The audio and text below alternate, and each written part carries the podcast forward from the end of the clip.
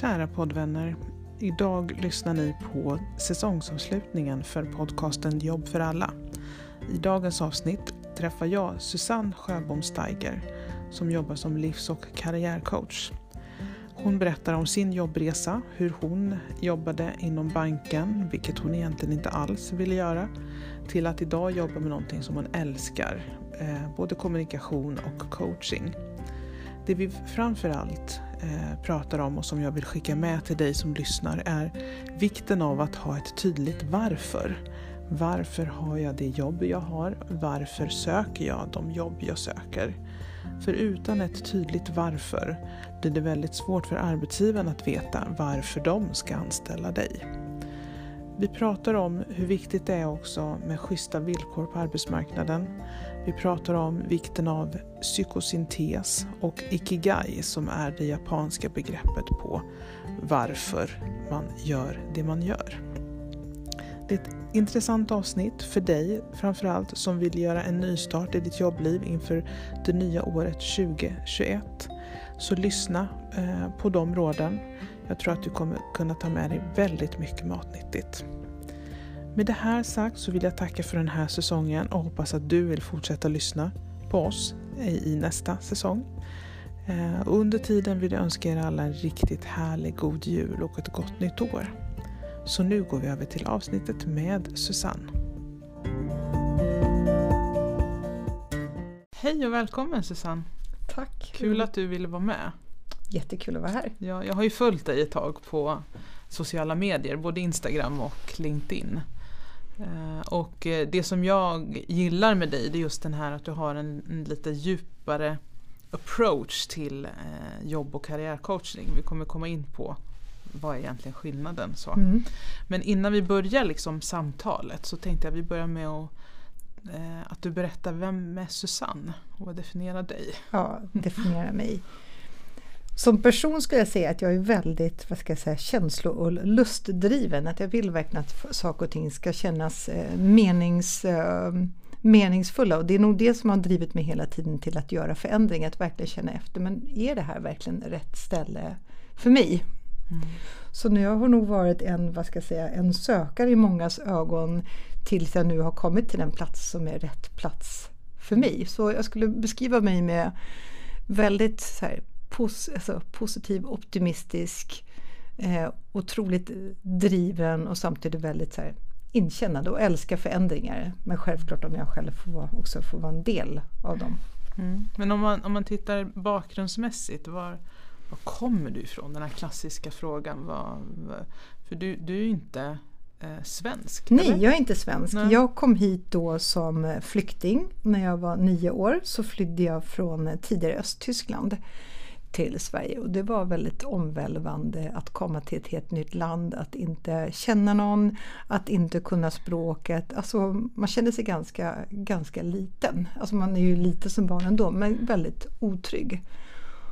Och på något vis det här att känna sig som en del av samhället och känna sig inkluderad. För det är klart att man känner sig annorlunda när man bryter på tyska och man inte riktigt förstår alltså kulturen. Jag tänker även om, om Tyskland är inte så långt från uh, Sverige så finns det ändå vissa kulturella skillnader. Så, mm. att, så det tar jag med mig som en lärdom att vara väldigt här, ödmjuk inför när man kommer från en annan kultur.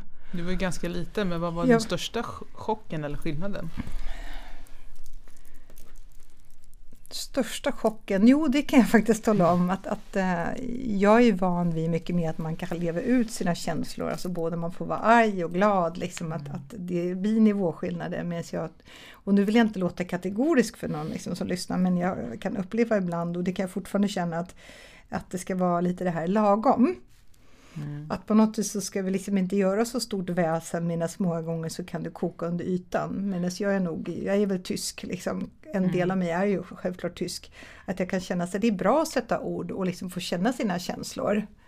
Alltså till en viss nivå. Medan jag har svårt att vi hela tiden ska ibland ska begränsa oss. Mm. Och inte säga vad vi egentligen tycker.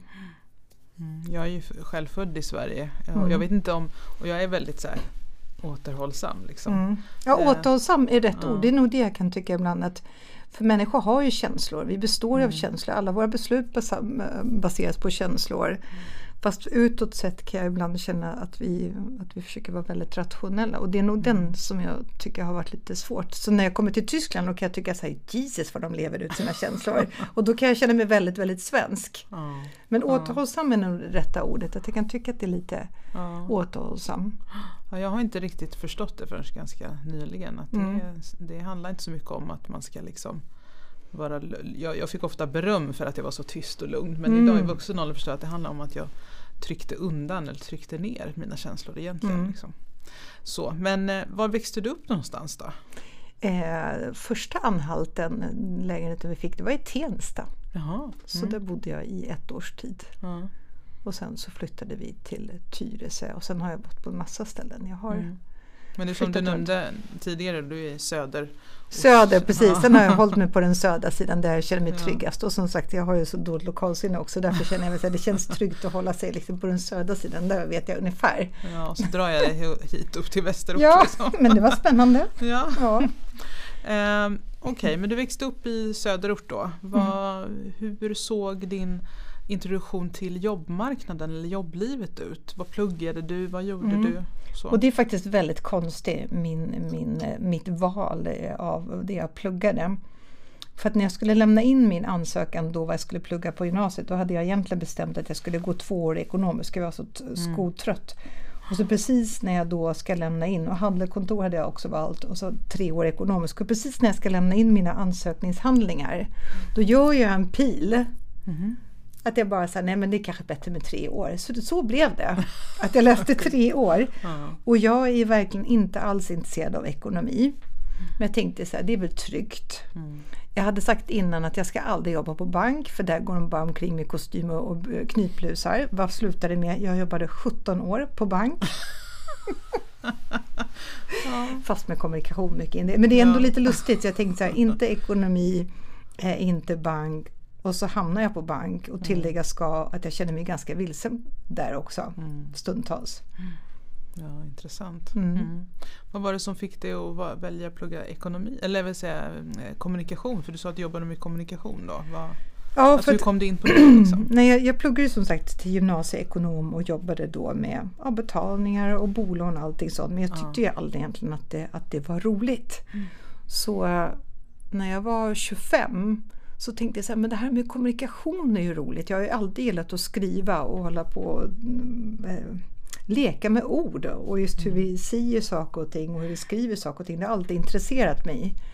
Äh, jag hade ju någon så dröm när jag var liten att jag skulle bli manusförfattare. Så, mm så då kom jag bara på att jag ska, jag ska söka kommunikation på IOM eh, kommunikation och marknadskommunikation tror jag det hette. Och då vet jag så väl, då gick jag till min chef och sa jag, om jag kunde då få bidrag till den här utbildningen. Och då minns jag så väl, han sa så här, ja ja, men jag hade också drömmar liksom när jag var yngre så här, men för han tyckte väl att jag bara skulle nöja mig med, med det jobbet mm. jag hade. Jag jobbade som säljcoach då bland annat. Så kände jag så här, men det här vill inte jag hålla på med. Så jag sökte den ändå, sökte stipendium faktiskt via banken också och fick en del av utbildningen betald. Jag tänkte bara, men jag tror ju verkligen på det här. Eh, och det gjorde då att efter ett år, för den här utbildningen var två år, det gjorde då att jag faktiskt kunde söka internt en tjänst som var mer inriktad mot marknad och kommunikation. Så jag tänker redan där fick jag en skjuts för att jag sökte den utbildningen. Mm. Så jag skulle liksom vilja tillägga att, att utbilda sig är A och O och det kan vi göra genom hela livet men det kan verkligen hjälpa oss liksom till att, att öppna våra vad ska jag säga, valmöjligheter när det gäller jobb. Mm. Ja, så du, du började jobba på bank efter gymnasiet? Efter gymnasiet ja, började jag.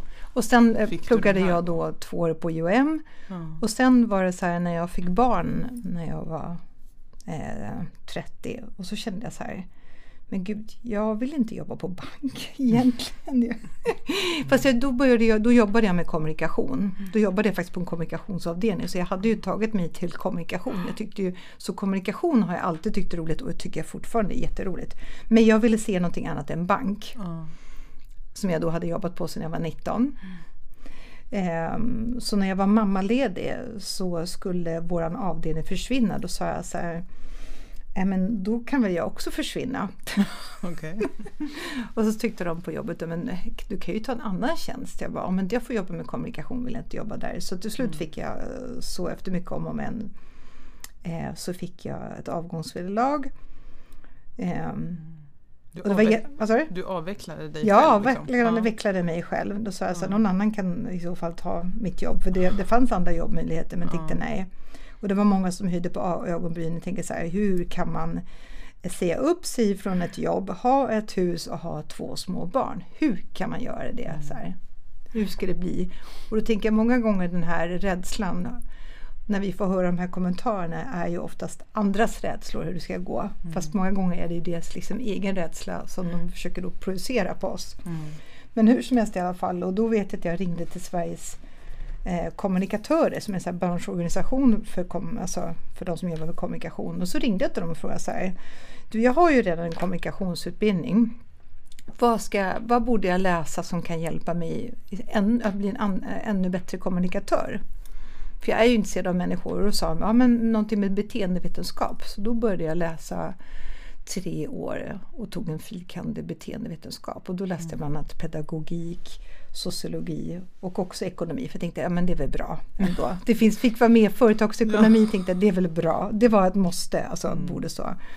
Och det hjälpte mig sen att faktiskt ta steget och söka mig alltså vidare till andra branscher också. Mm. Så du valde att, att eh, plugga på universitet? Ja, då läste jag, då fick jag, och jag är faktiskt den första i min familj, eller min generation, alltså överhuvudtaget i min släkt som har en universitetsexamen. Det är ingen som har tagit det tidigare så det känns lite, ja. lite kul. Ja. För när du gick ut gymnasiet, du hade liksom inte någon sån här plan eller så utan du liksom? Nej, jag hade inga planer alls på, på att ta en eh, universitetsexamen. Och sen får man också tänka på att det här var då när jag gick ut var 1989. Mm. Det var väldigt lätt att få jobb. Alltså jag skickade iväg tre jobbansökningar och jag menar, ja. det var bara att välja. Eh, det är en helt annan mm. jobbmarknad idag där man faktiskt är nästan an, liksom, tas för givet att man ska ha en utbildning. Mm. Eh, eller få jobba sig upp. Det finns ju också självklart fortfarande. Mm. Eller att man kan gå yrkeshögskola. Men det är helt andra vad ska jag säga, krav idag än vad det var då. Mm.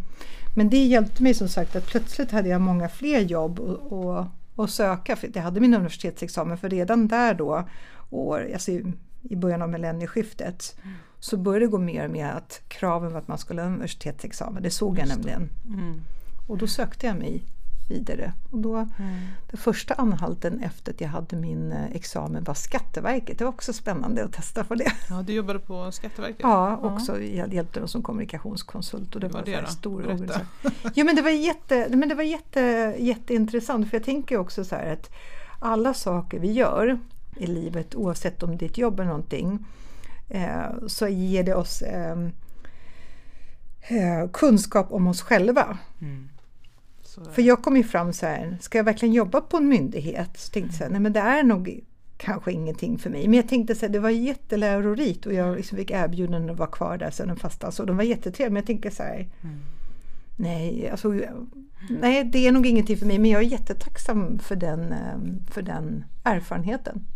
Ja, och det, det är någonting jag själv har förstått nu det sista året. Alltså mm. sen jag slutade att oj då, vad det vad det präglar en som person. Mm. Alltså vart man söker sig. Mm. Jag hade inte en tanke på att eh, jag hade en, att vissa saker var viktiga för mig och därför söker jag mig mm. till den här tryggheten. Mm. Vilket en myndighet är. Mm. Det är en trygghet. Mm. Det är in, man söker sig inte dit för att man ska få vara kreativ och mm. utvecklande utan man söker sig dit för att det är tryggt och säkert och man vet vad ramarna är. Liksom.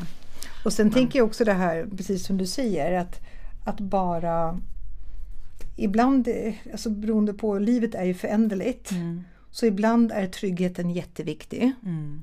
Och då behöver vi göra de valen utifrån det och välja kanske en trygg arbetsgivare. Mm. I vissa andra situationer så är det viktigare för oss liksom, att vi tar hänsyn till att det är kreativt. Då kanske vi provar på en startup och jag tänker det är mm. okej. Okay. För även det ger oss kunskap om oss själva. Och att bara för att det är så ena stunden så kanske vi väljer någonting annat ja, sen. Ja. Vi ska komma in lite på det här med, med coaching och, mm. och för, för, det, det gav mig massa tankar här nu. Ehm, men ehm, ja, du hamnade, vad, vad, hände sen? Hur såg din jobbresa ut sen då efter dina studier och Skatteverket då? Ja, då konstigt nog så gjorde jag faktiskt, så hamnade jag på bank igen där vid något tillfälle. I sju år till eh, hamnade jag på bank men jag fick jobba på, på Nordeas nordiska alltså kommunikationsavdelning. Men vad intressant ändå, du var liksom så här benhård redan på gymnasiet, jag ska inte jobba på jag bank. inte jobba på bank. Men jag måste säga att, att jag har verkligen, jag tyckte det var otroligt kul att få jobba med med kommunikation och jobba nordiskt och jobba med stora förändringar. För det har också varit min röda tråd, att just förändringar, att hjälpa till att driva förändringar mm. så den blir så så det genomförs så smidigt som möjligt så att alla liksom är med. Mm. Ju, man brukar säga det här med förändringar att alla vill ha förändring men ingen vill förändras. Mm. Men att då har jag sett som min roll att vara alltså lite så här, chefernas sufflör till att tänka på hur de ska kommunicera till medarbetarna och också tänka på alla som kommer beröras av förändring. Så jag, jag är väldigt tacksam för de, de åren och jag måste ändå säga så här, fast jag sa aldrig att jag jobbar på bank, mm. så bland det roligaste jag har gjort i min yrkeskarriär, förutom det jag gör idag, så var det faktiskt när jag jobbade som, som eh, intern, alltså anställd kommunikationskonsult och fick jobba med olika affärsområden och ganska här, stora förändringsprojekt. Mm. Mm. Så banken gav mig massor. Ja, och jag, tr jag tror ganska starkt på att egentligen handlar inte, för, för jag vet när jag själv pluggade, mm. så var jag mm. ganska benhård med att jag vill inte jobba på, på inom för hälften av de som pluggade, jag läste nationell ekonomi, hälften var väldigt inriktade på finans och ekonomi och hälften var mer åt, åt mer samhällsvetarområdet mm. och jag var mm. mer åt samhällsvetarområdet.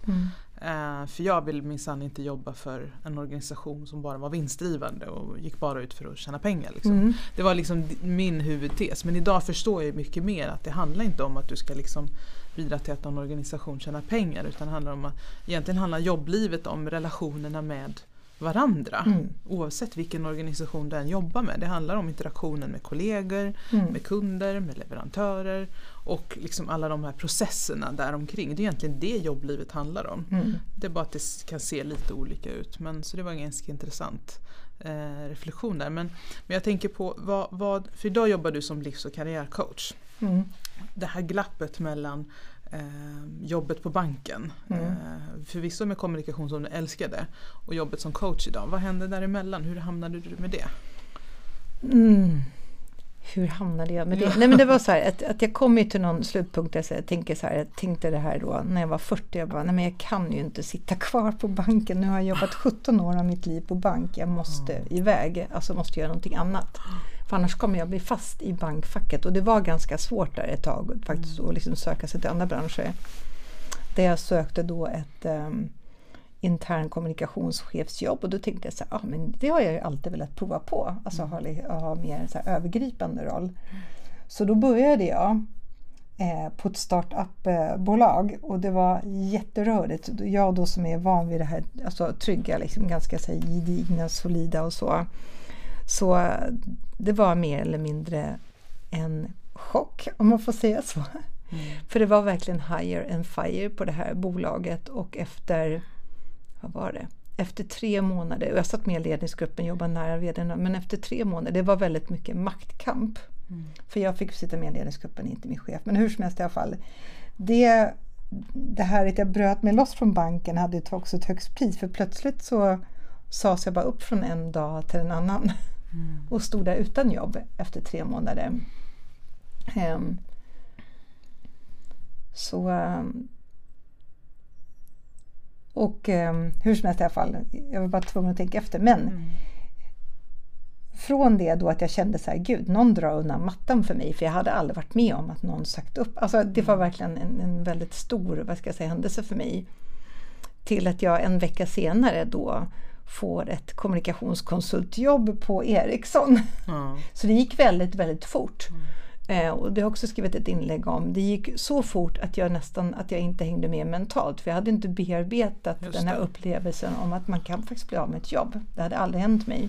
Jag tänkte också, det krävs ju att man liksom, vad är det som har hänt? Liksom? Ja, och det var verkligen så. Så jag hade nog behövt en liten paus. För det gick bara en vecka så skulle jag bara yes, jag är redo igen för jobb. Och jag är ju väldigt driven och tycker att det är jättekul att jobba. Men jag märkte själv att oj, det här kom efteråt. Så det, det är också någonting som jag tror är viktigt att vara varsam med sig själv om man är med i en sån här dramatisk händelse som det faktiskt kan vara. Så tänker jag speciellt alla nu då som blir eh, uppsagda eller varslade. Att vara varsam med sig själv. Liksom. Mm. Att, att det kan ta på krafterna och man behöver få tiden för att bearbeta det. Mm. Sen säger ingenting att man inte kan söka jobb ändå men bara att, att vara medveten om Ja, självförtroendet ja. kan få sig en liten alltså, oh ja. knäck där just då. För det är ju ganska stor del av, av vårt liv som vi tillbringar mm. på vårt jobb.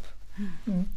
Um, vad tänkte jag på? Men, uh, ja, men då hamnade du som konsult då? Eller? Ja, då hamnade ja. jag som konsult tänkte jag. Men det här det kan man också göra men det var ju inte riktigt tanken utan jag sökte då, ja. tänkte ett chefsjobb och så plötsligt utan jobb. Eh, och sen hamnade jag som konsult och så tänkte jag, ja men som konsult kan man ju också jobba. Jag tror inte jag vill vara anställd, tänkte jag då. Om, man, om det går till så. Mm. så då tog jag till uh, jobb som konsult faktiskt på ett annat företag i två års tid. Uh, och lite, så då tog jag egentligen ett jobb som var mindre kvalificerat än vad jag egentligen kunde men jag behövde få landa lite mm. i det där. Mm. För som du kanske märkte när, när du pratade om det, det tog jättehårt på mig. Så jag hade två år där jag egentligen gjorde mindre av det än jag var kapabel till. Ja.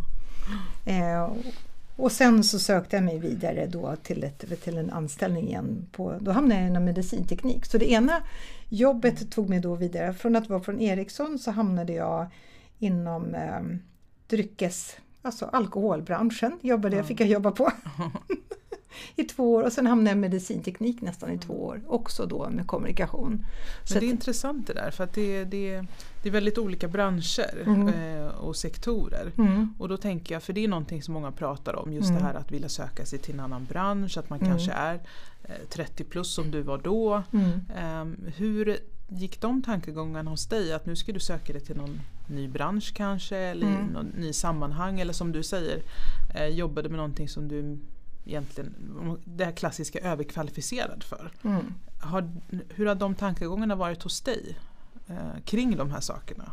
Alltså jag tänkte, alltså det var ju medvetet att jag tog ett jobb när jag då jobbade på det här, vad ska jag säga, spritföretaget. Det var faktiskt mm. medvetet att jag sökte ett jobb som var mindre kvalificerad för att jag eh, jag ville vara på något vis safe, att det var okej. Okay. Jag gjorde liksom en, en, det var kalkylerat och det var långt under min alltså, lön också. Men jag tänker jag behöver bara få landa lite i allting. Men hur motiverar du det för arbetsgivarna? Så tips till andra som kanske uh, tänker samma sak? Nej, men jag lyfte fram det som, som jag var bra på och att, och att mitt främsta motiv var att jag faktiskt ville lära mig mer om den branschen. Ja. Mm. Att det inte spelade någon, någon roll. Och jag skulle säga också ett, tips till alla då som vill byta bransch. Det är jättebra att gå in i en konsultroll. Mm. Och var inte rädda för att ta ett konsultuppdrag som var tre månader. Som, som eh, eh, min tjänst på Nordea det var egentligen ett konsultuppdrag på tre månader för jag tänkte jag ska inte jobba på bank. Och så var det ett konsultuppdrag så sen efter tre månader var jag så här, ja men vill du jobba med oss? Mm. Så jag tänker eh, att våga prova egentligen. Mm. Så för mig motiverade det mig otroligt mycket för att jobba i en annan bransch även om det var då mindre kvalificerat än jag kunde göra. För jag fick äntligen på mitt CV någonting annat också. Mm, ja. Mm. Och eh, klivet då sen, hur, hur hamnade du som coach? Eller vad? Och sen ska jag bara säga det här med medicinteknik. Och det var ju också, där använde jag mitt nätverk för det var ingen mm. utannonserad tjänst. Utan då kollade jag med mitt nätverk när jag kände att nu är jag klar. Nu är jag faktiskt beredd på att använda min fulla potential. Mm. Att göra mer kvalificerade saker. Då använde jag mitt nätverk och då fick jag genom kontakter. Så det var så jag skickade in, alltså bara en spontan ansökan. Mm. Mm. Och det är också något som är bra att tänka på, att inte bara vänta på den där annonsen ska dyka upp. Nej, det, det är ju en, en, minoritet av alla jobb mm. som tillsätts via annons. Mm. Mm. Jo, klivet till coach. Det var ett, som sagt, jag har alltid, alltid haft ett brinnande intresse just för alltså, människor. Mm. Alltid tyckt att det är um, kul att, att peppa, um, ge stöd och så hela det här liksom finnas med. Och jag har gått en coachutbildning när jag jobbade på banken men då tyckte jag alltså att ska alltid bara handla om att ställa frågor. Mm. Det måste finnas någonting mer. Så jag har tänkt på det här med coaching. Ett tag var jag inne på så här, organisationskonsult eller terapeut. Ja, men någonting med, med människor. Och genom att jag ändå haft en coachande roll redan när jag jobbat som kommunikationskonsult så har jag coachat andra fast det har varit kommunikationsledes. Så tänkte jag så här, nej men jag vill lära mig ännu mer om den här tekniken. Mm. För det är ju en teknik att coacha och, och det är som, jag ser det som ett samarbete där båda gör sin del för att det ska bli ett lyckat samarbete och ja, bli, en, bli en förändring. Så då tittade jag på olika så här coachutbildningar och det finns, ju, det finns ju en uppsjö med coachutbildningar, alltifrån några veckor till några ja. månader. Och anledningen till att jag valde just psykosyntes som jag utbildat mig i två år, för att jag just längtade efter någonting som har ett större djup. Mm. Ett större djup där hela första året handlar om att lära känna sig själv på djupet. Alltså allt det som har format mig som barn. För att det är så viktigt också att tänka som coach. Om vi inte har full koll på oss själva så kan jag ta med mig de sakerna in i samtalet och påverka eller låta mig påverkas av min klient. Mm. Så hela första året var att komma i kontakt med oss själva och sen då lära sig coachteknikerna. För mig var det väldigt, så här, väldigt proffsigt. Och psykosyntesen, om jag ska beskriva det, är en väldigt så här, empatiskt eh, synsätt på människan. Och jag brukar säga så att eh, psykosyntesen ser människan som att vi har en palett med regnbågens alla färger. Där vi kanske bara i vissa fall har lärt oss att använda den gula, blåa, röda men att vi har alla vackra färger inom oss som är till vårt förfogande att använda när helst vi vill. Men ibland kan vi behöva lite hjälp att utveckla fler sidor hos oss. Mm. Så det finns ingenting som säger att vi bara är sån utan vi kan alltid skapa en uppdaterad version av oss själva. Ja, för det, hur hänger det ihop i det här med eh, om vi pratar i rekryteringssammanhang med personlighetstester där, vi ska mm. liksom, där, där man vill ta reda på hur en person är för att veta vad den passar för. Mm. Men det du beskriver då, då betyder det att man är ingenting utan man, man, man kan vara mycket mer än vad man liksom är i stunden. Mm. Alltså vi är mycket mer än ett personlighetstest och jag tänker så här, jag kan ju förstå att företagen vill göra ett personlighetstest mm. men man ska vara väldigt försiktig för det är ju bara en ögonblicksbild. Mm. Att om du till exempel gör ett personlighetstest och så har du på, varit på ett jobb där du inte har trivts, där mm. det är olika sidor hos dig som kommit fram som egentligen inte alls är saker som du trivs med. Då kommer det återspegla sig i personlighetstestet. Ja. Mot om du går dit och så känner du liksom att du är din liksom fulla kraft och verkligen känner att du har fått, vad ska jag säga, eh, fått användning av hela din potential, då har du också självförtroende och när du svarar på det så tar du kanske för dig även mer personlighetstestet. Mm. Så jag tänker att, att, eh, att vara lite varsam och jag tycker överhuvudtaget sådana här personlighetstest och allt sånt att, att det som säger någonting det är ju det här samtalet när vi, när vi möter någon och vi kan ställa frågor. Vad är det egentligen? Så som du började med när du, när du inledde samtalet. Mm. Ja men vem är Susanne egentligen? Mm. För det är så lätt att vi då också kan lära oss att manipulera de här testerna. Vi vet ungefär vad, som, mm. vad man ska svara, speciellt om man då har svarat på dem ett antal gånger. Ja, jag tycker speciellt sådana frågor som är så här situationsbaserade. Hur skulle mm. du agera i en viss situation? Alltså det, det, är ganska lätt att se men det här är det, det mm. sättet som är det bästa sättet. Eller mm. inte kanske inte det bästa sättet men mm. nästan så, de andra alternativen mm. utifrån uteslutningsmetoden kan man liksom, men det här mm. kanske inte vore så bra sätt att reagera på. Så att jag menar, det, det ger inte så jättebra svar men av de verktyg vi har idag så är det några av de bästa. Och sen skulle jag också säga, sen finns det förutom personlighetstester så finns det också de här eh, testerna som ska, som ska mäta om våran intelligens. Och ja, jag kan bara säga så här mm. att Logik och sånt. Logik och sånt. Mm. Och jag blir lika nervös för jag är ingen bra på matte. Eller mindre bra. Mm. Och jag kan säga så här, jag blir nervös, sen klarar jag dem. Men jag tycker ändå det är någonting, någonting inom mig, alltså stressar mig när någon ska bedöma min intelligens. Alltså, Eh, och jag hör av också flera klienter som får göra de här testerna att alla blir nervösa för på något vis är det så här att oj, nu ska vi bedöma om du är smart. Och jag tänker egentligen säger det ingenting. Det enda som skulle säga, och om jag fick ha en önskan för arbetsmarknaden så skulle det vara så här korta de här processerna och testa istället. Våga prova där också. Mm. För du kan ha hur fint CV som helst och, och, alla de här testerna. Men det som faktiskt visar sig om du passar på ett jobb eller inte, det är att när du väl börjar jobba där. Mm. Problemet nu är ju att det är så många, det är hundratals sökande på vissa jobb. Liksom. Mm. Vilket gör att då måste de ju ha någon form av urvalsmetod mm. för att liksom mm. sålla i den här mängden och sen så kanske man kan ta nästa steg att testa mm. någon. Liksom. Mm. Men um, jag förstår verkligen utmaningen med det hela. Mm. Jo, för jag förstår också att tester behövs på något ja, sätt. Men... men jag tror att det, vi kommer nog se ganska mycket förändringar i det här. Mm. För jag, jag, upplever att det är mycket som kommer förändras i hur man väljer ut folk. Liksom, för mm. det, är, ja, ja, det finns mycket att mm. säga om de sakerna. Men, men när du coachar, du, för du jobbar som livs och karriärcoach. Ja, och eh. jag, jag, skulle, jag jobbar både som livscoach, ja. karriärcoach, så coachar jag ledare. Ja. Föreläser också och så har jag kvar mitt kommunikationsben. Alltså, ja. Um, för att jag tycker fortfarande att det är roligt med kommunikation. Nu får jag användning av kommunikation när jag hjälper mina klienter att paketera sig själv. Just det. Mm. Uh, och om vi då, vi kan ju börja med karriärcoaching och där är liksom, hjälper jag mina klienter både det här att ta reda på men, uh, vad är min rätta plats på jobbet? Mm. Och det jag brukar använda mig av det är mycket det här att man ska ta reda på sitt varför. För att om vi inte vet vårt varför, varför går vi till det här jobbet? Mm. Då känns det ju inte meningsfullt. Uh, Um, så då brukar jag börja med en kartläggning. Sen tittar jag ibland om man vill liksom på deras ansökningshandlingar. Kommer verkligen den personen fram på rätt sätt? Alltså att personen lyfter sig själv för det jobbet som man söker. Mm. För ibland, det är jag med om väldigt ofta, att man vill skriva allt. Mm. Men skriver man allt så blir det också så att, att rekryteraren eller det företag som ska anställa inte ser vad är det viktigaste egentligen. Så det är så otroligt viktigt, alltså just det här ansökningshandlingar. Likväl som vi tränar pitch, alltså som jag verkligen så försöker, liksom, kan vi sitta och träna så här, vad är det viktigaste? Liksom, vem är du? Vad kan du bidra med? För just den här frågan som du ställde, ja, men vem är du egentligen? Den är mm. så stor. Mm. Så har man inte verkligen formulerat för sig själv vilka saker man ska dra fram så kan det bli så här. Ja verkligen, ja, jag tycker det är eh, jättesvårt. ja, ja, det är jättesvårt och också um, intervjuträning brukar jag också ha då.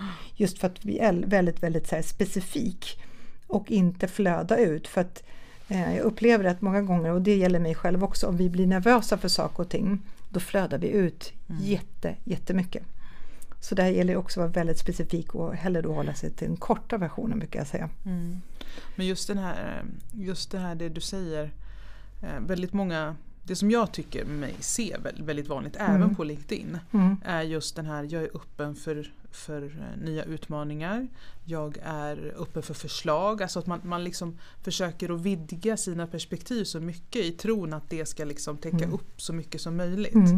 Ungefär som att man kastar ut ett fiskenät och hoppas på att liksom Det nappar någonstans. Exakt, problemet är att du får med en massa bråte och skräp då också ja. samtidigt.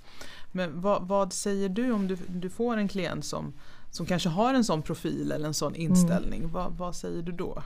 Ja, men för det första så, så sitter vi, hjälps vi åt att tratta ner. Ja. Och jag brukar säga så här, om du, om du dukar upp hela smörgåsbordet, det är jättetrevligt. Mm. Men försök att fokusera på ett fåtal oh. rätter som du vill servera och då brukar jag prata om att ha en plan A, B, C. Mm. Och plan A är jobbet man verkligen, verkligen vill ha. Mm. Plan B, ja men näst bäst och plan C, ja det är lite så här backup. Men att försöka hålla sig till tre Mm. Alltså alternativ och därefter också anpassa sitt CV och också då För det finns ju, alltså jag, jag har sett många CV där det är bara hur många kvalifikationer som helst, hur många roller som helst. Mm. Men det blir ju nästan det här att men vad är det egentligen du söker för jobb? Så att mm. jag vill bara bekräfta den bilden. Jag tror att det, är, eller det är jätte, jätteviktigt att vara väldigt mm. specifik. Och sen kan det ju vara så att man kommer på, nej, nu vill jag ha det här jobbet som plan A. Men jag tänker också att man behöver vara uthållig. Om man nu bestämt, är det de, liksom, de här jobben jag vill söka. Mm. Att inte tänka så här, åh jag ska ha ett nytt jobb inom en månad för det kan ta tid, speciellt som arbetsmarknaden ser ut nu. Mm. Jag pratade med en eh, klient idag som tyckte att det var, det var lång tid sedan i somras men jag tycker att det kanske inte alls är lång tid. Om man sätter det, i perspektiv, året. inte det här året mm. utan man får ha med sig vad ska jag säga, mer tålamod mm. och kanske lägga på några månader. Ja precis. Ehm, min förra gäst beskrev det att normalt sett brukar det ta kanske ett par månader sen så mm. har hon ett mm. nytt jobb. Men den här gången så märkte hon att det tog mycket längre tid. Mm. Um, så hennes metod var liksom att försöka sysselsätta sig med andra saker mm. liksom, för att liksom hålla ungen uppe. Och det, jag tycker andra beskriver också liksom, att mm. um, de har liksom sysselsatt sig med andra saker för att mm. inte tappa det här modet. Liksom. Och så länge du gör någonting, det kan ju vara att du går en kortare kurs eller att du söker mm. jobb eller nätverk och sånt. Så, så länge tänker jag så här, som du gör någonting. Mm. varje dag eller varje vecka så jobbar du ändå för att närma dig ett jobb. Mm. Sen kan det ta olika tid också tänker jag, beroende på vilka jobb vi söker. Mm. Men, men jag tänker på just det här, eh, det finns livscoaching, det finns karriärcoaching, sen finns också jobbcoaching. Och du har jobbat en kort period som jobbcoach åt ett stöd och matchningsföretag som mm. är en tjänst som Arbetsförmedlingen har mm. upphandlat.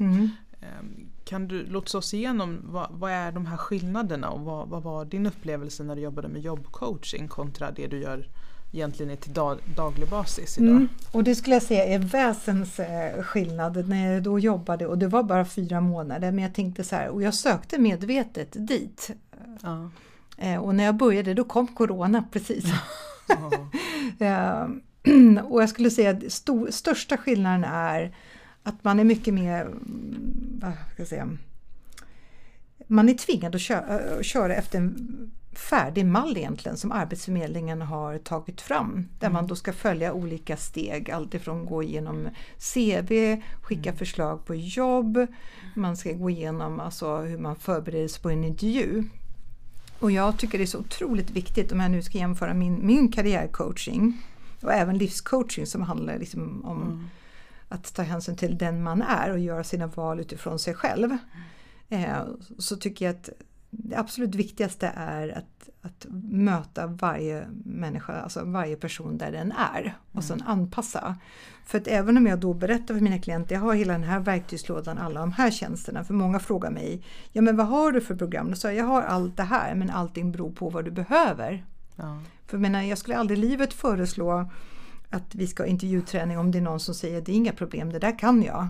Medan som jag då var på när jag jobbade som un, hos en underleverantör till Arbetsförmedlingen. Då var det så här, det var inte ens valfritt att du gick till en syokonsulent. För jag sa ibland så här, men de vill inte gå till en studievägledare.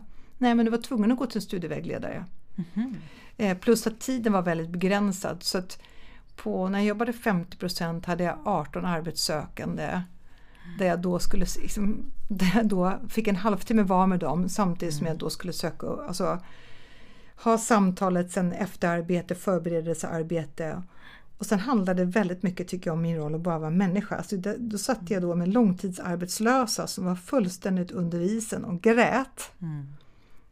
Um, någon hade precis gått igenom en cancerbehandling och då samtidigt då trycka på att du måste söka jobb. För det var också eh, mitt ansvar då att anmäla om de inte kom. Och då kände jag så här, nej men den, det är väl inte jag besluta om utan eh, mår människor dåligt så behöver vi först ta hand om deras mående för att de ska klara av att ta sig till ett jobb, överhuvudtaget söka ett jobb. För om du mår så dåligt då behöver du ju först ja, bearbeta, alltså, bearbeta ja. och bara bli lyssnad, lyssnad till. För men, det var en jättechock när, när pandemin kom. Mm. Och också att man inte då fick träffa dem fysiskt. Jag träffar ju mina klienter fysiskt. Då, Fast, ja, ja, jag gör det och det finns ett jättestort behov av fysiska möten så jag försöker ändå, eller jag har, alltså två meters avstånd, mm. ingen får ha symptom och vi tvättar händerna, vi tar inte händerna. Men jag tänker det här fysiska mötet är också jättestor Jag tror skillnad. det också, jag tror att vi kommer märka det om, mm. om något år också mm. efter effekterna av det. Mm. Liksom. Den, den psykiska ohälsan den kommer ju slå i taket mm. tror jag. Sen, sen, skulle jag säga också det som, jag inte inne på det så mycket om livscoaching, att mm. i alla mina, det spelar ingen roll om, alltså om det är karriärcoaching, så det är lika mycket livscoaching i det. För att för bara gå igenom de här hårda sakerna, ansökningshandlingar, vad du skulle säga på intervjun, det måste mm. överensstämma med den personen är och vill vara och mm. måendet. Mm. Så när jag påbörjar ett samarbete brukar jag säga så här, men målet är att hjälpa dig, alltså till ett jobb, underlätta vägen för dig till ett jobb likväl som att stärka dig som, som individ. Mm. För många kan ju kanske ha tappat självförtroende utan bara så här, lyfta sig själv och samtidigt ge sig det man behöver. Så de hänger väldigt tätt samman skulle jag säga. Mm. Men eh, ja, för du, du har ju nämnt, kommit in på det här med att man måste hitta sitt varför. Du, du, mm. du, du återkommer ofta till det i dina inlägg också, mm. att, att eh, mm. hitta sitt varför. Varför, mm. varför är det viktigt? varför, Jag skulle viktigt? säga att det är allt. Och för att hjälpa mina klienter att komma i kontakt med sitt varför så brukar jag använda mig något som heter Ikigai. Och Ikigai är egentligen ett förhållningssätt som kommer från Okinawa i, i Japan mm. och som egentligen handlar om att ta reda på vad som är ens vad ska jag säga, livssyfte. Och det kan låta väldigt stort och samtidigt så är det applicerbart på allt i livet. Allt ifrån varför har du de relationerna i ditt liv du har? Eh, vad är det för jobb? Och då har man också det, jag gillar det här med ikigai betyder egentligen att hålla sig i rörelse. Mm. Och andemeningen är att skapa dig ett meningsfullt liv där du vet vad ditt syfte är när du går upp på morgonen. Och då handlar det också om att, att Många gånger kan vi ha bilden så här, och jag ska ha ett arbete till 100% ett lönearbete. Men om man då tittar från ikigai förhållningssätt då handlar det mer om att, att ha ett jobb kan betyda så många olika, olika saker. För mig är ett jobb att det ska kännas lustfyllt att gå till ett ställe där jag kan känna att jag gör något meningsfullt som också ger mig betalt. Mm. Samtidigt så behöver inte det fyllas av en 100% anställning någonstans utan det kan vara flera olika delar. Ett varför kan vara att jag får lön på ett ställe som då ger mig råd för att starta eget. Mm. Eller att jag, jag går en målarkurs för att jag tycker att det är roligt att vara kreativ som sen kanske skulle kunna vara att jag kan sälja de här tavlorna utan försöka ungefär som man tänker på att man ska eh, placera sina pengar. Du, du investerar inte dina pengar bara på en aktie utan oftast fördelar du på fler aktier eller på fonder. Mm. Och det är ett liknande sätt som man tänker också i Ikigai. Att försöka se alternativa jobb för jag tänker då blir vi mindre sårbara. Mm. Än om vi bara tänker jag kan bara jobba för den här arbetsgivaren, jag kan bara jobba till exempel som jag på bank. Jag kan bara anställa, nej. Du kan vara konsult ibland, du kan vara anställd ibland, du kan ha egen och jag tror att det kommer bli mer och mer vanligt sen att vi faktiskt, att även jobblivet kan bli mer flytande okej. Det enda gäller bara att bankerna också hänger med. Mm. För att nu är det ju fortfarande när du ska ha en fast inkomst och allt det här så jag tror att det blir mer rörligt.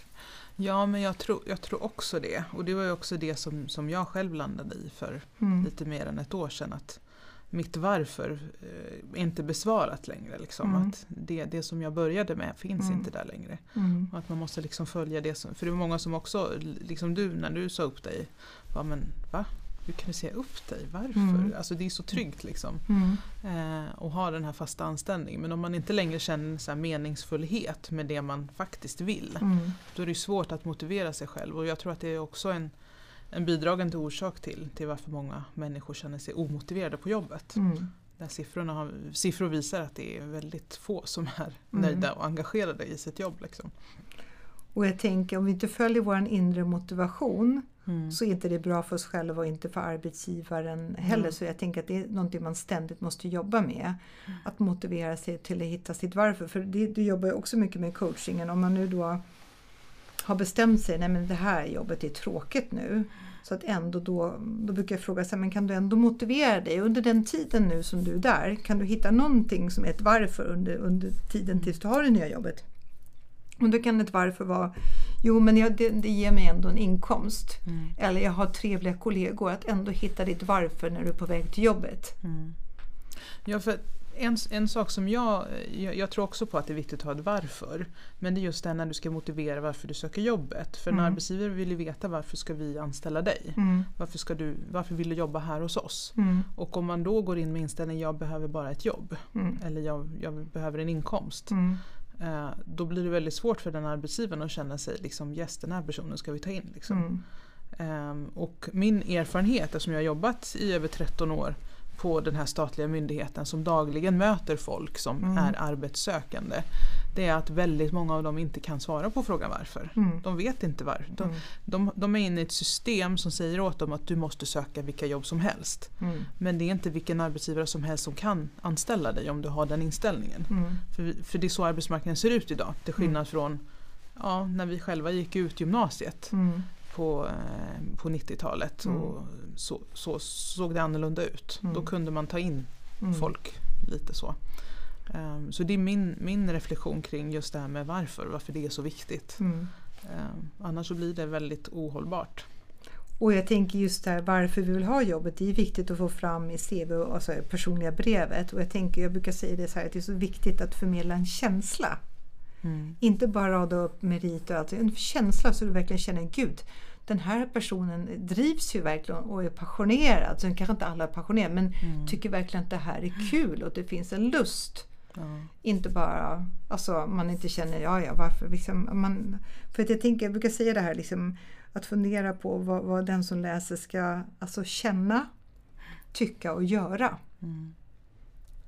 Att tänka på det, förmedla den här känslan och guida och resultatet vill vi ju ska bli så här, ja men henne, honom ska vi ha.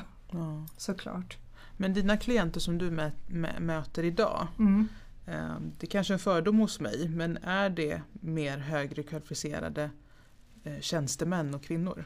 det är väldigt, väldigt blandat skulle jag säga. Ja. Och det är det som jag är så himla tacksam uh, för att jag har så vitt skilda personer som jag coachar. Jag har liksom coachat, coachat entreprenörer, jag har coachat höga chefer i bolag, jag har coachat VD uh, till nästan nyexade till verkligen hantverksjobb till studerande. Så jag skulle mm. säga det är så här. Mm. Och någonting som gjorde mig så glad alltså häromdagen, det att jag hjälpte en, en, en klient då att skriva sitt första CV. Mm.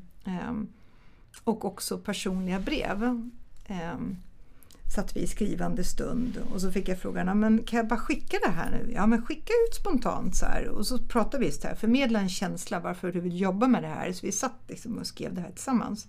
För det skulle jag också säga att, att det är jättebra att kunna skriva själv men sen ska man också ha väldigt respekt för Vissa tycker att det är jättesvårt att skriva själv. Mm. Men det har jag också märkt jag älskar ju det här att hjälpa till att formulera men jag tänker säga omvandla egentligen eller bara sätta det på pränt som personen säger.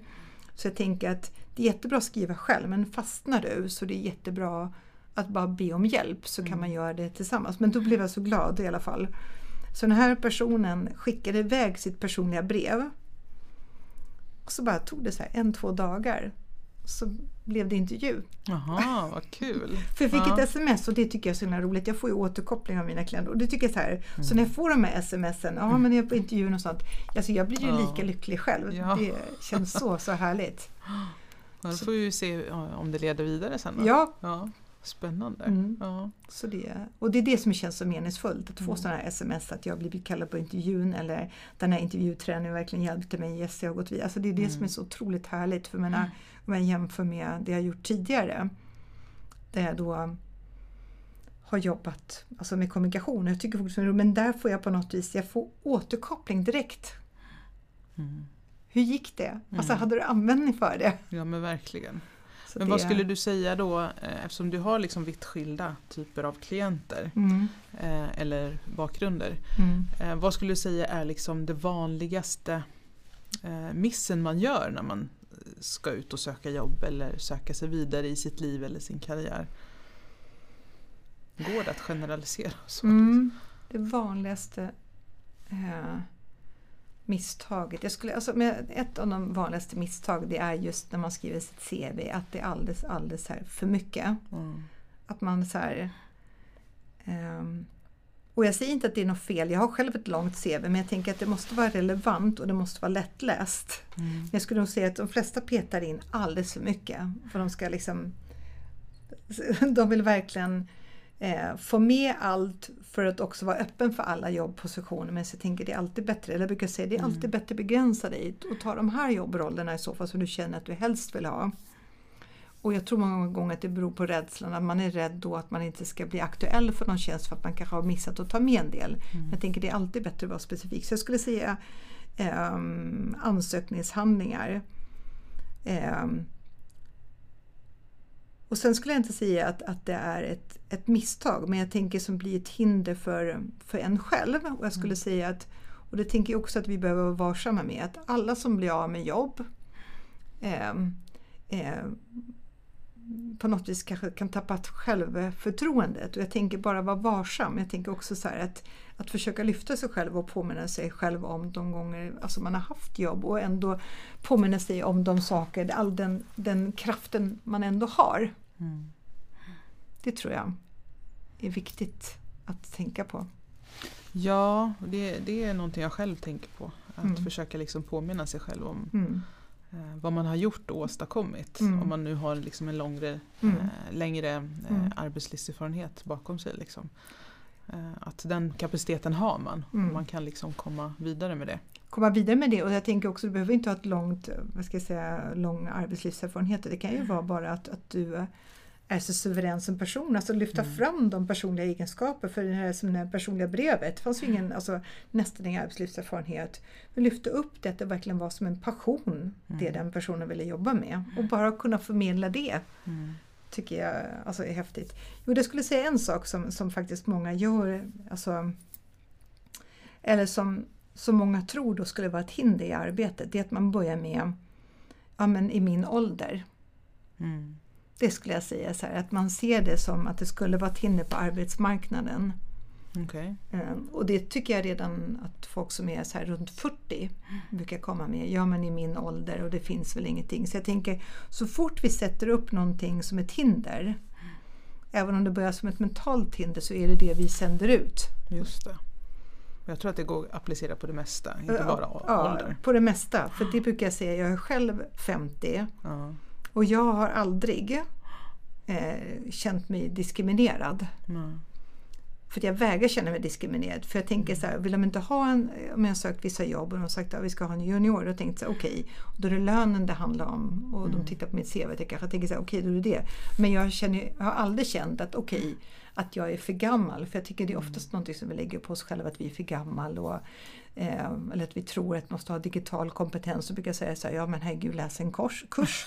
alltså liksom, det går ju ja, alltid att bättra ja. på. Men jag säger att vi blir aldrig färdigutbildade, vi måste hela tiden bättra på. Men det är, det, för att när jag hör om dig, vi har ju, vi har ju träffats en gång innan och, mm. och sådär. Jag, jag, kan känna igen mig själv i dels i din jobbresa, det vi mm. har pratat om, men också det du beskriver nu. Mm. Eh, för det kan jag relatera till, inte när det gäller ålder, även om jag påminner om att jag är 40 plus. Men, men när det gäller utländsk bakgrund. Mm. Eh, jag har aldrig känt mig diskriminerad för min utländska bakgrund. Mm. Utan snarare tvärtom, jag har använt det till min fördel. Mm. Jag har ansökt mig till jobb och situationer där det har varit till nytta mm. för att liksom få in en fot och sen så har jag liksom mm. eh, jobbat mig upp därifrån. Mm. Eh, och, och jag tror så precis också som du säger att om man gör det till ett hinder så, så syns det utåt. Mm. Liksom. Och det är lite det, eh, man fokuserar liksom på fel sak. Mm. Jag menar om man tror att ens ålder är ett hinder då, då skulle det betyda att men alla som är i min ålder inte har jobb eller mm. inte får jobb. Mm. Och det stämmer ju inte. Det finns ju uppsjö. Mm. Däremot så hörde jag någon podcast i morse med John Mellqvist där de pratade om att eh, visst många i 50-plussare har jobb men de rör sig inte vidare i samma utsträckning. Mm. Eh, för att man tror att det är ett hinder. Mm. Men jag tror att om man gör det till ett hinder så blir det det. Ja, ja. Också Som med mycket, mycket annat. Alltså. Precis. Så det är intressant det där, för jag tror allt, både kortutbildning, eh, arbetslivserfarenhet om man tycker att jag är för oerfaren. Mm. Medan någon annan kan tycka att jag är för erfaren. Mm. Liksom. Så att, att man inte gör det liksom, till ett större problem än vad det behöver vara och istället titta på de som har det här som mm. jag tycker är ett hinder. Mm. Hur har de gjort då? Mm. Vad, vad, vad gör de? Liksom? Mm. Det, och det är lite det som jag vill lyfta fram i den här podden också. Liksom, att det finns de som har de här förutsättningarna men ändå har fått jobb och, mm. och ändå liksom klarar sig framåt. Hur gör de? Det är ju det som jag vill liksom förmedla. Och jag tänker att, att um att vi tror, alltså jag tänker också så här jobbannonser, det tror jag också man ska vara lite försiktig med. Att jag brukar säga det är som önskelistor. Det är klart ja. att företagen passar på att få med allt de önskar av den personen men oftast mm. är inte det görbart mm. att varenda sak kan tickas av. Eh, för många kanske då väntar med, eller skickar inte in en ansökan eller tänker mm. så här, mm. nej men det krävs fem års erfarenhet, jag bara ett. Då tänker jag så här, våga prova. Mm. Vad är det som säger? Utan mm. paketera istället för vad du kan bidra med. Mm. Och vi vet ju aldrig vilka de andra kandidaterna är, men vi måste ju våga prova. Ja och sen så, jag har sökt jobb där jag har liksom känt att jag har tickat av varenda box men ändå inte ens blivit kallad till intervju. Liksom. Mm. Ja men då var inte det jobbet menat för mig. Liksom. Det, det, är inte mer än så. Mm. Och, och, jag tror också om man sänker sin egen ribba för mycket, mm. det är också risk att då, eh, då ja, jag, jag, tror väldigt mycket på att saker och ting, det finns liksom mening med saker och ting mm. också. Um, vad tänkte jag på? Vad, vad, tror du?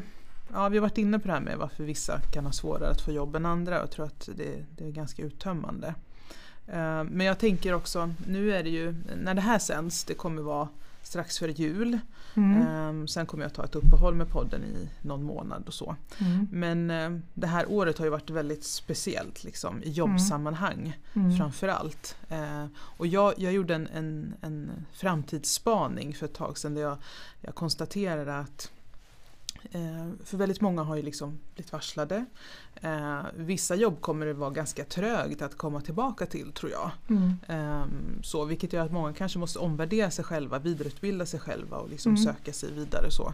så den rulliansen har ju liksom satt igång. Mm. Eh, men när arbetsmarknaden blir mer stabil så tror jag, och det här var det jag siade om, det att då kommer många av de som sitter på jobb idag och liksom har känt kanske börjar känna liksom att nej men nu vill jag söka mig vidare. Att de kommer att ta ett helomtag. Mm. Jag, jag tänker framförallt på det här med tjänstemän som idag jobbar hemifrån och liksom många arbetsplatser har liksom haft en, en kultur av att nej men vi, kan, vi jobbar på kontoret på plats. Eh, men nu är man liksom tvungen att jobba digitalt hemifrån. Och eh, många är nog ganska förvånade över hur bra det går ändå. Mm. Liksom. Mm. Vilket gör att när det väl är dags att eh, inte jobba hemifrån i lika stor utsträckning och man kanske inte får samma frihet som man är van vid eh, så kommer nog många vilja söka sig vidare mm. till andra arbetsplatser.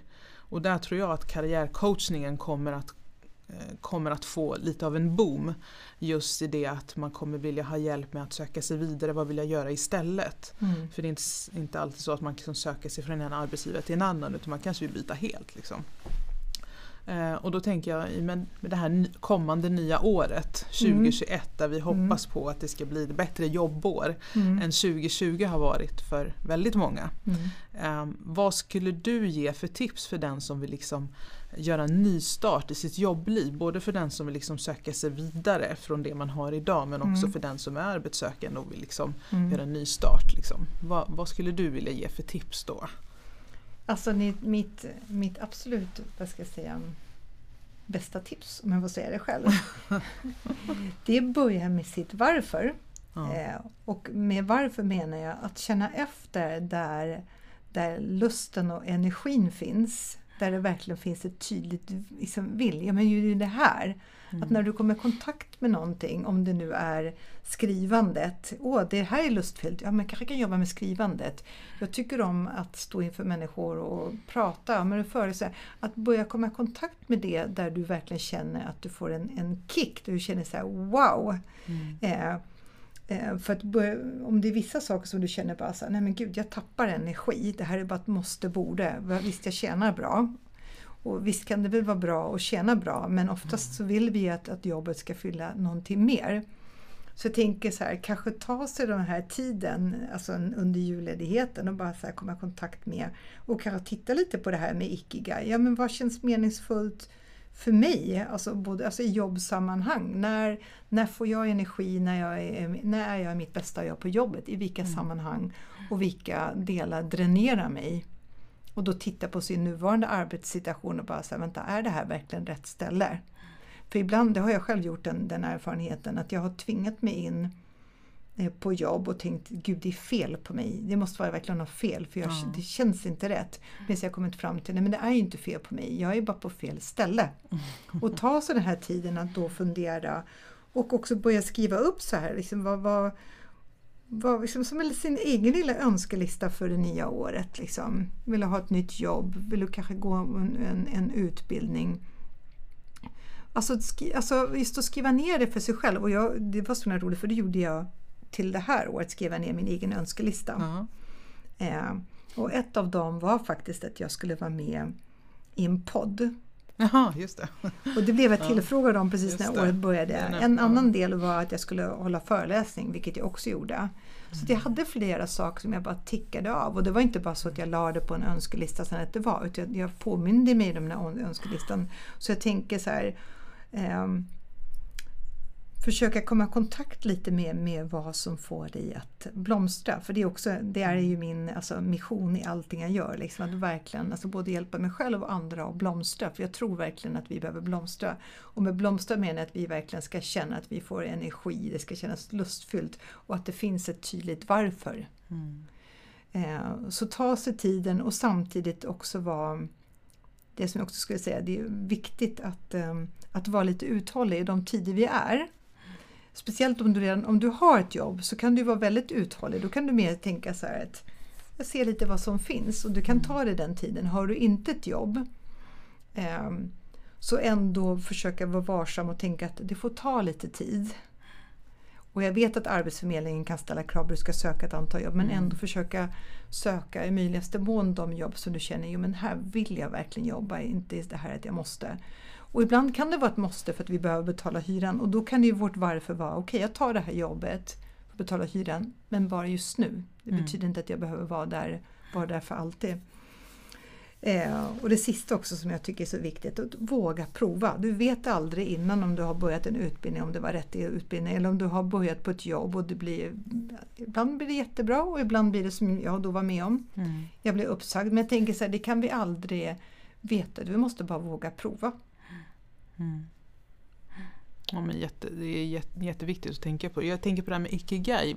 Har mm. du någon sån här bra länk eller informationsbank kring om man vill läsa mer om det. Ja absolut, jag har en jättebra den. bok ja. som är på engelska. Sen finns det lätt, eh, lätt variant på svenska också. Och det, mm. det, går ut på att man ska ställa sig fyra frågor.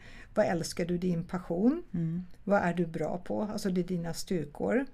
Eh, vad kan du tjäna pengar på? Just för att se att det finns flera sätt att, liksom, att tjäna sitt uppehälle på och vad behöver världen? Och jag tycker den, den sista frågan kan låta väldigt stor men den är så fin för att oftast räcker inte det att det känns bra för oss, att vi gör någonting bra för oss själva utan om det också bidrar till någonting som andra behöver, det är då mm. vi oftast får, kommer i kontakt med att det känns meningsfullt. Mm.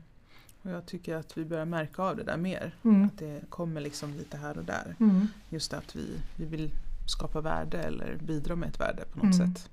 Och börja ifrågasätta, det är också nyttigt att vi börjar ifrågasätta om vi till är på ett jobb. Så om mm. vi inte kan förstå, om jag till exempel jobbar på ett projekt och jag kan inte förstå vad ska det här projektet utmynna på vilket mm. sätt ska det villföra värde? Och vad är min pusselbit? Då tappar vi drivkraften och motivationen. Så oh, det är så viktigt att, att även i jobbsammanhang fråga efter varför. Om vi inte har förstått ett varför så gör det. Och kan ingen ge oss det, ja men då kanske det inte. Och min erfarenhet är att det är, det är en klassisk kommunikationsfråga. Liksom. Ofta mm. så finns det ett svar på den frågan. Mm. Men det är inte alltid alla chefer och ledare är bra på att svara på den. Liksom. Mm. Utan bara, nej men det bara gör. Liksom. Mm. Ja men varför? Ja precis, för det går inte att säga till någon gör så här. Det Nej. går inte ens att säga till ett barn. Nej, Jag kommer bara fråga varför då?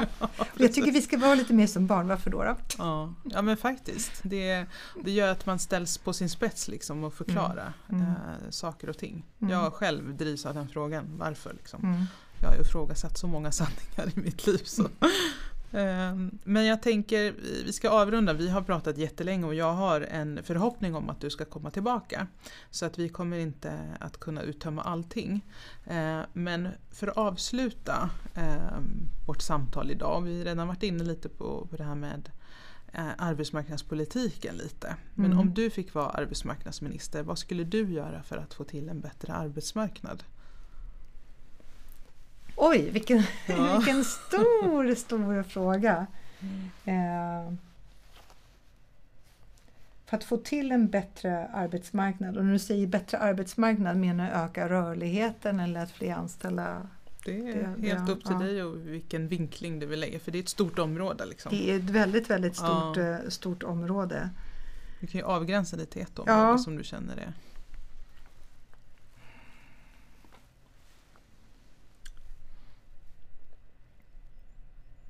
Det som jag definitivt skulle vilja ta tag i det är alla de här jobben som inte är schyssta jobb. Mm. Vad tänker du på då? Alltså schyssta jobb, det är att man, att man på något vis utnyttjar billig arbetskraft.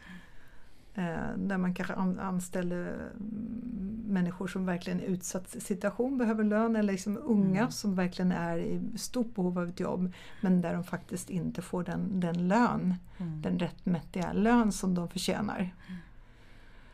Så på något vis främja bättre vad ska jag säga, villkor så att det inte ska löna sig. Och jag tänker också lite, det finns ju såna här um, löne... Vad heter de här?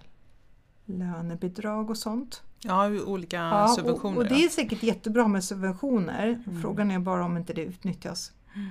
Ja, jag som har jobbat med just de frågorna vet att det, självklart så utnyttjas det. Mm. Absolut, och det är mm. någonting som regelverken mm. Skruvas på ganska mycket liksom, Mm. för att försöka komma åt. Mm. Men jag tror att det, det är en svår nöt att knäcka det. Mm. Mm. Och sen tänker jag också det här att det ska vara lättare och jag vet det har varit en jättestor diskussion om det här med lagen om anställningstrygghet. Mm. Jag förstår att den är jätteviktig. Mm. Samtidigt skulle jag ändå vilja säga så här att även om du har en fast anställning så är det ingen som går trygg. Nej. Så, så i vissa fall kanske det skulle löna sig att ha en mer ja, att det är lättare att anställa. Mm. För jag kan tänka mig också att många arbetsgivare, jag kan tänka mig mindre företag är också rädda för att anställa för de vet inte, okej tänk om inte det här funkar Mm. så ska jag fortsätta betala lön och jag är fast. Istället för att man kanske också då Mm. kan anställa någon och sen så ser man om samarbetet fungerar. Sen ska det fortfarande vara schysst. Det måste Mm. alltid vara schyssta arbetsvillkor tycker jag. Det är jätteviktigt att vi inte utnyttjar människor på ett arbete. Mm. Ja men du, du är inne på ett, ett bra spår där. Just Mm. den här tryggheten på arbetet men ändå med bra villkor. Mm. Alltså bra villkor och samtidigt tänka den här tryggheten. Frågan om vi kan räkna med trygghet. För som sagt, jag trodde att jag var trygg. Mm. Som har då jobbat fast och allting. Men så jag tänker så här, nu tänker jag mer att det kanske också är ett förhållningssätt. Okej, jag har ett jobb idag och även om jag har jobbat där 22 år så finns det inga garantier för att jobbet är kvar. Nej. Så kanske synsättet, att det får vara lite alltså, mer rörligt och att det också kanske kan hjälpa människor att inte känna sån rädsla för att byta. Mm. Jag tror det var någon, eh, någon HR-expert som, som skrivit något om det som jag läste. Just det här Mm. att, att det bästa för ett företag egentligen är att mixa lite. Mm. Att både ha fastanställda, visstidsanställda, konsulter. Mm. För att få den ultimata mixen för Mm. tryggheten för Mm. företagets ekonomi men också att kunna liksom justera. För det är Mm. också något som är viktigt för ett företag att kunna liksom justera beroende på eh, vad ska man säga, eh, Mm. flödena eller, eller så Mm. för verksamheten. Bero, Mm. om, om en pandemi liksom slår till, Mm. hur kan vi justera bemanningen utan att vi liksom, Mm. Det slår för hårt på alla. Liksom. Mm. Så det, det, det är en aspekt som är tuff för många arbetsgivare också. Mm. Alltså mer Mm. alltså, dynamiska arbetsplatser och som sagt Ja. det här med mångfalden och Ja. schysst arbetsplats skulle jag säga är väldigt, väldigt viktigt. För det har jag hört jättemånga unga. Oh, jag jobbar som klasscoach också, alltså via My Dream Now. Eh, och då hörde jag många som just då erbjuder mig att jobba gratis eller lågbetalt och sånt. Så det tycker Mm. jag det är inte okej för det är fortfarande ett arbete som utförs och det ska vara lön. Men jag tror också där, om, om man då ska koppla in det där med varför. För Mm. att min erfarenhet är också att om du är för öppen för att ta vilket jobb som helst, då får du ju risk, då är risken större att du hamnar hos den här typen av arbetsgivare som, Mm. som kan utnyttja för att de kan ta in vem som helst. Mm. Eh, och du är bara tacksam för att du får ett jobb. Mm. Men risken är mycket större då när du inte Mm. själv vet vad du vill ha. Mm. Eh, det är Du blir mer sårbar för andra. Exakt, exakt, jag tror det Mm. också. Så att du själv tjänar ju bara på att liksom ringa in ditt varför och fokusera på det. För då Mm. hittar du rätt arbetsgivare också. Hittar ett arbetsgivare plus att du är tydlig med dina gränser. Ja, det här kan jag det. göra, det här kan jag inte göra. Så Precis. här behöver jag. Det är viktigt. Mm. Det. Toppen Susanne, Mm. tiden rusar iväg. Ja, det har varit jätteroligt att Ja, komma hit. Så jättekul att ha dig här. komma. Ja, varsågod. Och så hoppas jag att vi eh, får ha med dig igen. Mm. Jag kommer gärna igen. Ja. Eh, Så med det så vill jag tacka för den här tiden eh, med podden det här året och så får vi önska alla en riktigt god jul och ett härligt och gott nytt år. Och lycka till med jobbsökandet också. Ja, precis. Tack. Ja, ha det bra.